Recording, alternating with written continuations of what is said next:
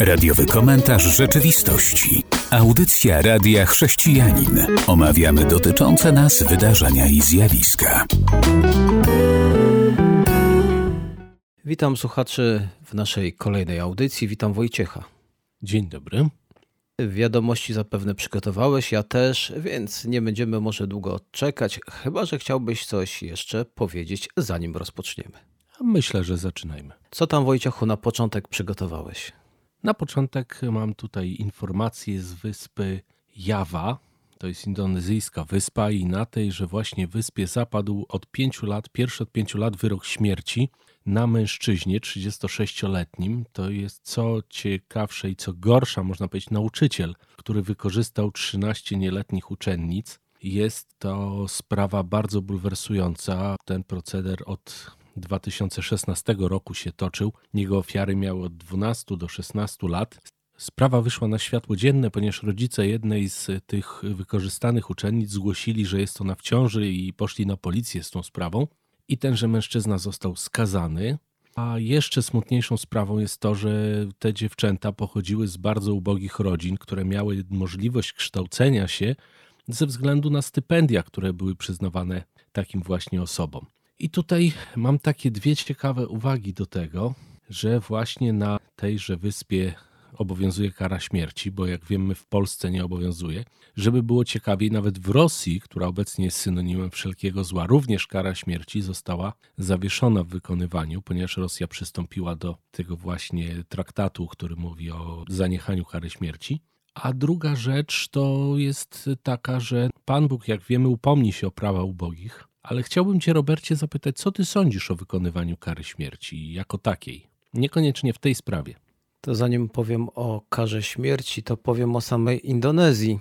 Mówi, że tam po latach dopiero wykonano karę śmierci. Prawda jest taka, że w Indonezji do ataków na chrześcijan dochodzi regularnie.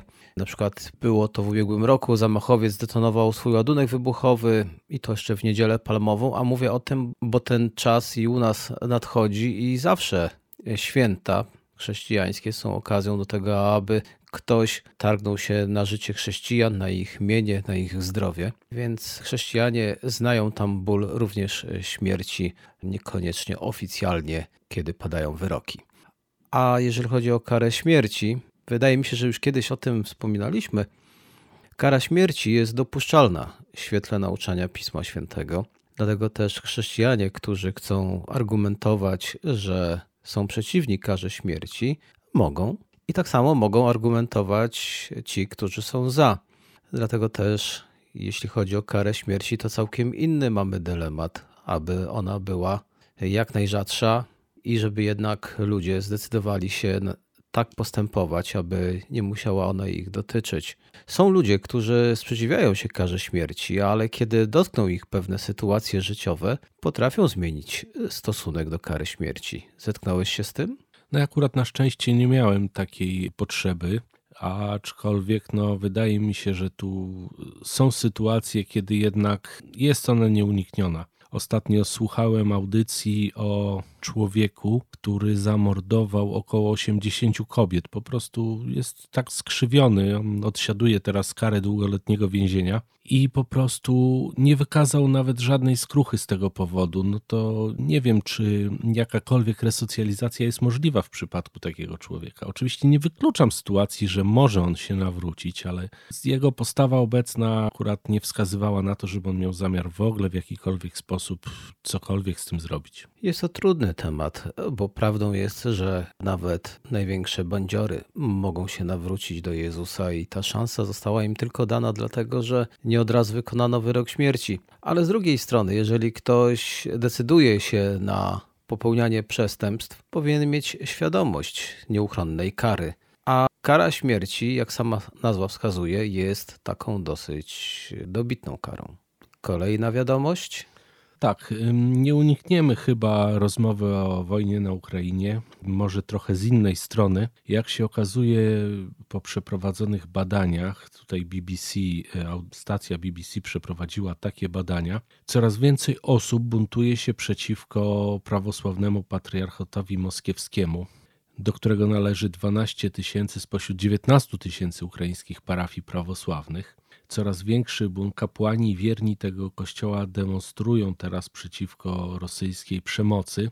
Właśnie patriarcha Cyryl został bardzo mocno napiętnowany w tychże społecznościach, bo się okazuje, że to między innymi on też y, miał swoje, swój, swój przyczynek do tej wojny, ponieważ jest dla Władimira Putina niejak autorytetem. A poza tym, jak wskazują dziennikarze, właśnie patriarcha Cyryl dostarczył Putinowi ideologii, za pomocą której usprawiedliwia on inwazję na Ukrainę. Nie jest wykluczone, że Cyryl to też jest jakiś były agent, który tam zasiadł. Takie głosy do mnie powoli dochodzą. Prawdą jest, że za czasów Związku Radzieckiego wielu duchownych, którzy mogli się wspinać po szczeblach kariery, to byli agenci. Dlatego też nie dziwiłbym się, gdyby tak właśnie było. A prawdą jest, że Cyryl niszczy w ten sposób Kościół prawosławny. I myślę, że właśnie to jest powód tego, że opuszczają go przeróżne cerkwie prawosławne, no bo on ich ciągnie na dno swoim postępowaniem. Już lepiej jakby nic nie mówił, byłoby to bardziej zrozumiałe. To, co oczywiście zarzuca się aktualnemu papieżowi, że za mało mówi, że nie piętnuje, ale prawdą jest, że możemy teraz to porównać, jak zachowuje się Cyryl, a jak zachowuje się papież. I można sobie wybrać, która postawa jest bardziej akceptowalna.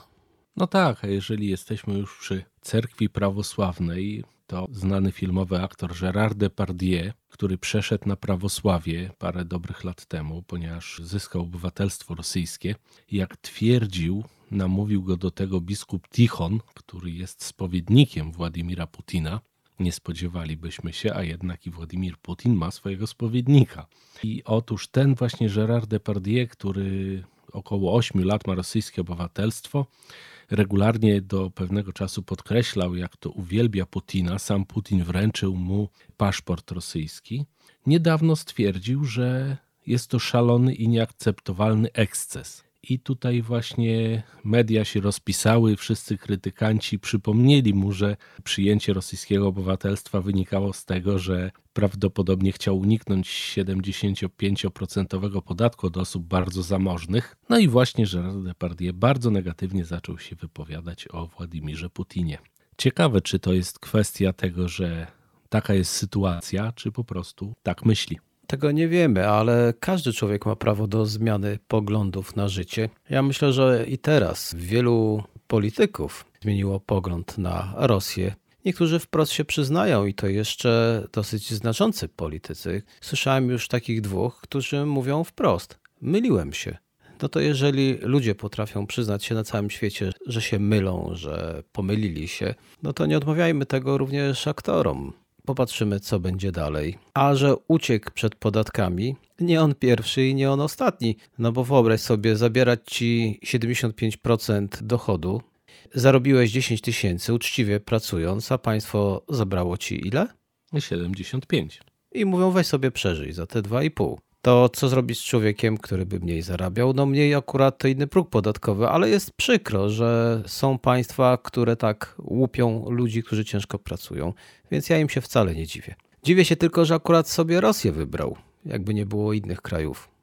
No ja myślę, że to jest y, swego rodzaju takie zafascynowanie wschodem. Dużo ludzi fascynowało się jeszcze do niedawna tą kulturą, bo Rosja właśnie wyrosła na taki specyficzny kraj, który był bardzo inny od tego, czego ludzie spodziewali się na Zachodzie, a ludzie ciągną trochę do takiego czegoś nieznanego, niepokojącego, niezbadanego. Tak jak wielu ludzi zwraca swoje oczy w kierunku na przykład Indii, podążając ścieżkami tych wszystkich mędrców, którzy tam nauczają. Myślę, że to jest bardziej to. I druga rzecz, co ostatnio powiedział na jednym kanale dziennikarz radiowy, że Francuzi na przykład właśnie tak jak Gérard Depardieu, oni mają pewien taki syndrom trochę tego pokonanego Napoleona, patrzenia na Rosję jako wielkiego mocarstwa, niezwyciężonego, wielkiego kraju, potężnego imperium, Teraz już to się zmienia, jak widzimy. Ten, jak to mówią, niedźwiedź stracił już zęby na Ukrainie, więc miejmy nadzieję, że coraz szybciej będzie koniec tego właśnie imperialnego myślenia. Zapraszam słuchaczy na przerwę muzyczną. Radiowy komentarz rzeczywistości. Witam po przerwie muzycznej. Nawiązujemy w dalszym ciągu do tego, co dzieje się na Ukrainie. Słucham Wojciechu. Pierwsza rzecz jest bardzo przykra, mianowicie dzieci na Ukrainie obecnie są uczone, jak się wystrzegać bomb. No to jest oczywiście jakby jasne, natomiast okazuje się, że Rosjanie wykorzystują do tego celu, do tworzenia bomb, pułapek, zabawki, kolorowe przedmioty, jakieś rzeczy, które przyciągają uwagę, czyli na przykład piłki, które leżą na zapalniku. I właśnie dzieci teraz są uczone, żeby uważać, nie dotykać, nie ruszać. Uważam, że to jest naprawdę już przegięcie, jeżeli wykorzystuje się takie rzeczy. Oczywiście nie pierwszy raz, bo w Afganistanie Rosjanie słynęli z tego, że rozrzucali zabawki wypełnione materiałami wybuchowymi. Dziwię się, że świat tak słabo reaguje na takie rzeczy. Jeżeli już wspomniałeś o dzieciach, to wspomnę tak króciutko na naszej stronie na stronie Radia Chrześcijanin jest biurka środków finansowych na zakup książek i dystrybucję. W dużej mierze na dystrybucję, dlatego że wiele z tych książek Fundacja Radio Chrześcijanin otrzymała i jeszcze otrzyma wśród y, dzieci, dzieci ukraińskich. Tak więc jeżeli ktoś chce wesprzeć tych dzieci, aby mogli powrócić do funkcjonowania, bo jest to wiadome, że dzieci, które będą przybywać z dobrą książką, będzie to na nich działało również terapeutycznie. A te książki to są kolorowe, radosne, no i co dla nich bardzo istotne w języku ukraińskim. Także zachęcam do zerknięcia, no i przekazania paru złotych. A jeżeli jesteśmy jeszcze przy Ukrainie, to chciałbym króciutko powiedzieć, że rząd anektowanego przez Rosję Krymu planuje delegalizację ukraińskiego kościoła prawosławnego patriarchatu kijowskiego. To w tym samym tygodniu, w którym kijowski parlament e, dyskutuje o zakazie kościołów ukraińskich w ramach patriarchatu moskiewskiego. No taka odpowiedź również w tej sferze religijnej, jak widzimy, jest. Co tam Wojciechu jeszcze odnośnie Ukrainy?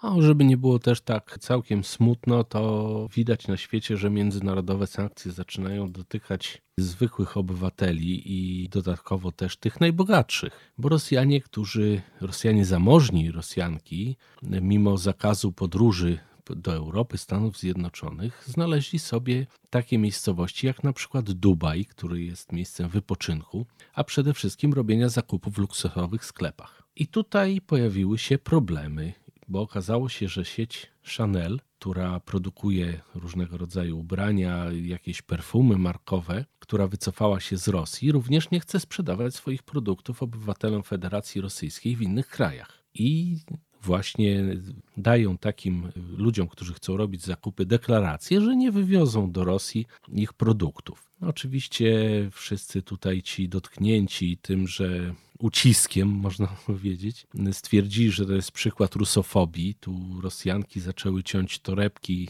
przed kamerami tej właśnie firmy Chanel, wylewać perfumy no, okazuje się, że jednak to zaczyna dotykać wszystkich, nie tylko tych biednych ludzi, którzy żyją sobie właśnie w Rosji, ale i tych bogatszych, którzy właśnie ma, mogą sobie pozwolić na tego typu rzeczy.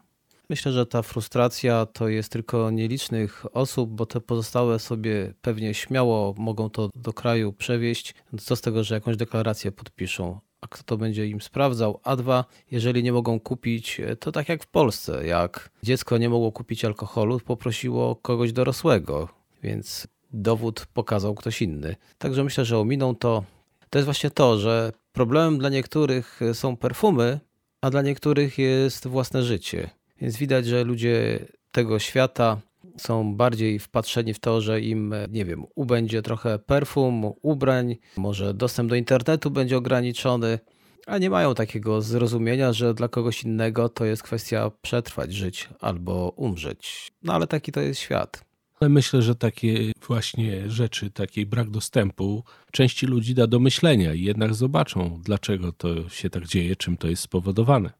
Myślę, że tylko część. Pozostali będą mocno zdenerwowani i mogą jeszcze bardziej narzekać, jaki to jest ten Zachód straszny, a jaka Rosja jest wspaniała, bo ona jednak daje, swoich produktów nie zabiera.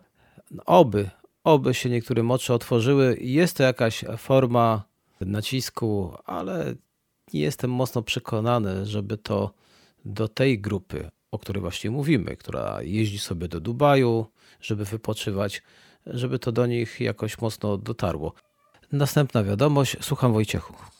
Otóż no wszyscy wiemy, że w związku z agresją rosyjską na Ukrainę paliwa kopalne zaczęły być problematyczne, ale tu dobra wiadomość, gdańska grupa koncernu Lotos otworzyła swoje złoża na norweskim szelfie i w styczniu 2022 roku pozyskała nowe licencje poszukiwawczo-wydobywcze. Już pierwsze dostawy ropy zostały rozładowane w Rotterdamie. Oczywiście nie oznacza to, że cena paliwa nagle drastycznie spadnie, raczej się tego nie spodziewajmy, ale myślę, że fajnie, że mamy możliwość pozyskania ropy z alternatywnych źródeł, nie musimy wspierać przemysłu wojennego. Tutaj nic ekolodzy nie mówią, nic nie pokazują, jakiejś manifestacji przeciwko wydobyciu węgla, czy też używania ropy. Przecież to nie są tak zwane zielone klimaty, prawda? No nie są, ale dzisiaj jeden z naukowców naszego uniwersytetu wskazał, że fajnie, jeżeli przejdziemy na zieloną energię, ale my jesteśmy kroplą w morzu tego, co zasila atmosferę z Afryki i z Azji, więc małe kroczki są świetne, aczkolwiek myślę, że jeżeli cały świat nie dojdzie do wniosku, że trzeba coś z tym zrobić, to i tak będzie dalej zasyfiona ta atmosfera. Właśnie chciałbym do tego nawiązać, ale że też tu w Europie nie krzyczą. No tak jak właśnie powiedziałeś, my jesteśmy kroplą i dlatego ogromnie się dziwię, jak nadal są takie naciski, aby coś tutaj robić, ale te naciski są na Europejczyków, bo takie naciski nie działają na Chiny, czy też w tym wypadku na Indie, gdzie chciano przenieść się z produkcją, no ale Indie też sobie wiele nie robią z tego, więc prawdą jest, że nadal powinniśmy wykorzystywać te źródła energii. Jedynie co możemy zrobić, to możemy Przecież mamy tutaj tęgie głowy. Niech wymyślą takie filtry, które uniemożliwią zanieczyszczanie środowiska, ale nadal korzystania właśnie z tych źródeł. Znaczy, no, takie filtry są wyprodukowane, tylko kwestia, że trzeba zmusić wszystkich do założenia ich. To są oczywiście koszta, więc niestety, ale takie filtry jak najbardziej funkcjonują. No to niech kombinują, aby były tańsze, a teraz zapraszam słuchaczy na przerwę muzyczną. Radiowy komentarz rzeczywistości. Utwór muzyczny za nami, a przed nami część trzecia. Wojciechu, proszę. Pojawiła się bardzo ciekawa informacja, że Ministerstwo Sprawiedliwości pracuje nad zmianami w kodeksie karnym i zmiany te będą dotyczyć tego, że kierowca złapany na tak zwanym podwójnym gazie straci swoje auto. To jest y, preferowane w krajach zachodnich. Cieszę się, osobiście się cieszę, że to i do nas dochodzi. I taki właśnie kierowca, który, tak jak wspomniałem, zostanie złapany, będzie tracił pojazd. Jeżeli będzie to pojazd czyjś, czyli taki kierowca nietrzeźwy będzie się poruszał pojazdem pożyczonym, to będzie musiał wnieść równowartość takiego pojazdu do budżetu państwa. Tutaj, co ciekawe, nie dotyczy ta, ta ustawa nie dotyczy rowerów i hulajnóg, Tutaj się dopatrzyli różni właśnie znawcy, że zostało to sformułowane jako pojazdów mechanicznych, a rower takim nie jest, nawet ten z takim silniczkiem wspomagającym nie jest traktowany jako pojazd mechaniczny. Myślę, że może nasi ustawodawcy też ujmą i te pojazdy w swoich zapisach.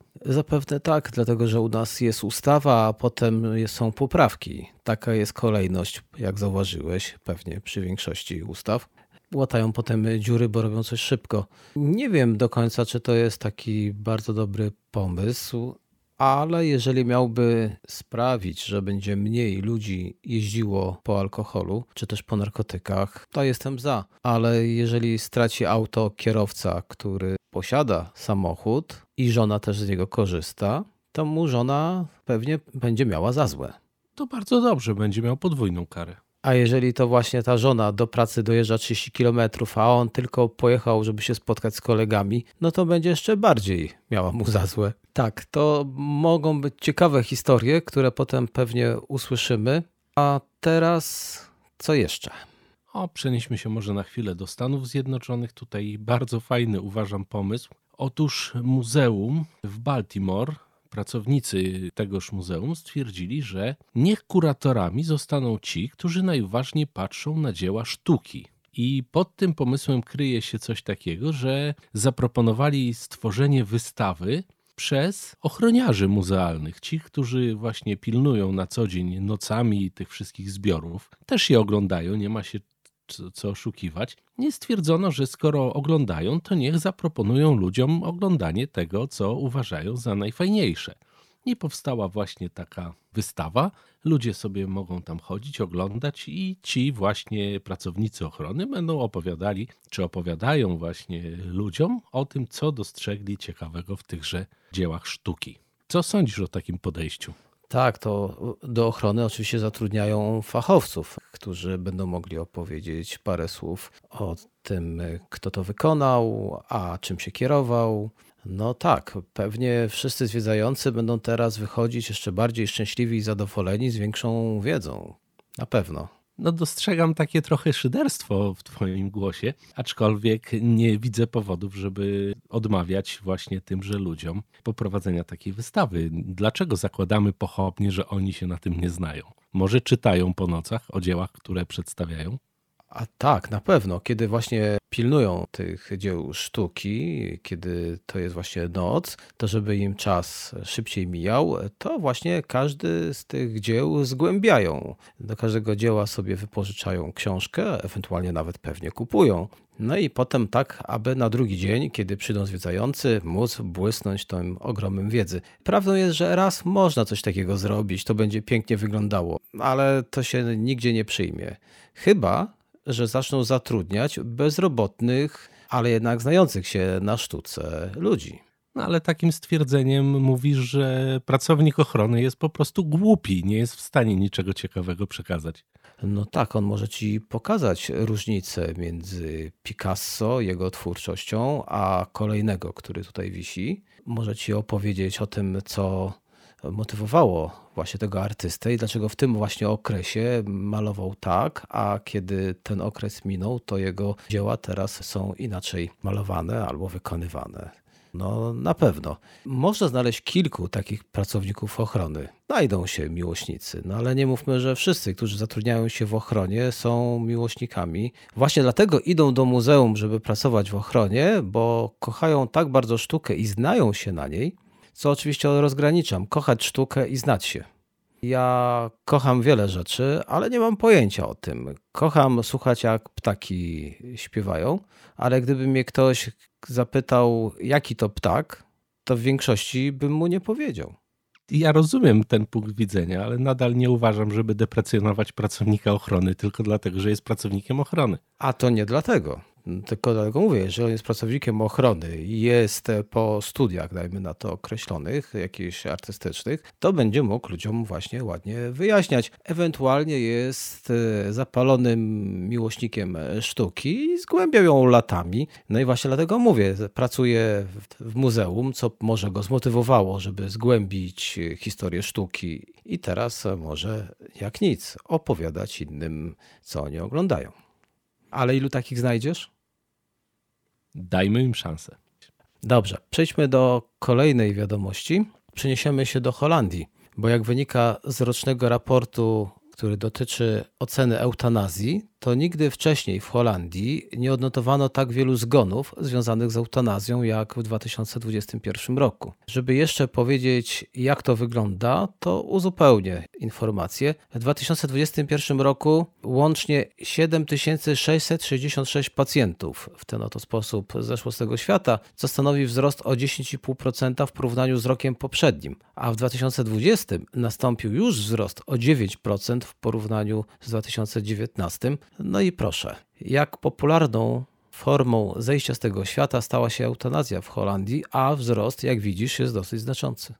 No tak, tylko że zakładam, Oczywiście może nie słusznie, bo nie czytałem tego artykułu, ale zakładam, że raczej ten zabieg chcą wykonywać ludzie, którzy nie widzą szansy na możliwość wyleczenia albo życia w jakichkolwiek godziwych warunkach, więc raczej nie zakładam, że po prostu przychodzi sobie człowiek do szpitala, mówi: Panie, ja chcę eutanazję, zróbcie mi. No bo to raczej chyba nie o to chodzi. To, żebyś się e, nie zdziwił, raport roczny informuje, że jedna z eutanazji też dotyczyła osoby nieletniej ale o co tutaj chodzi? W Holandii eutanazja i wspomagane samobójstwo są legalne.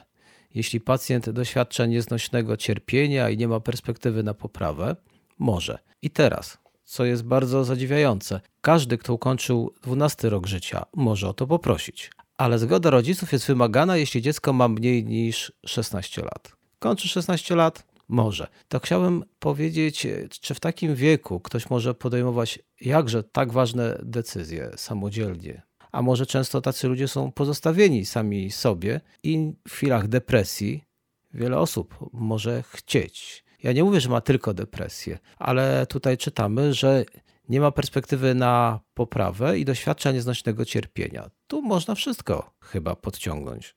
No chyba nie. No chyba nie, bo lekarze jednak rozmawiają z takimi ludźmi, badają ich. Poza tym ja polecam wizytę w hospicjum, gdzie są ludzie, którzy naprawdę cierpią i naprawdę żyją w bardzo złej kondycji.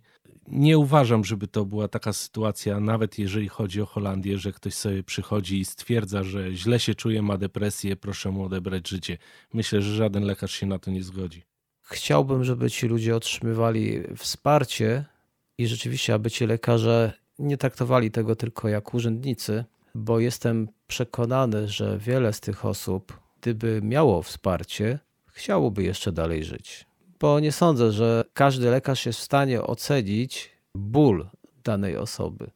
No dobrze, ale to y, zwrócę uwagę, że takie rzeczy oceniają konsylia, a nie pojedynczy lekarze. To po pierwsze. Po drugie, dlaczego zakładamy negatywnie, że nikt tych ludzi nie bada, nikt z nimi nie rozmawia? Nie wiemy tego, nie możemy tego zakładać.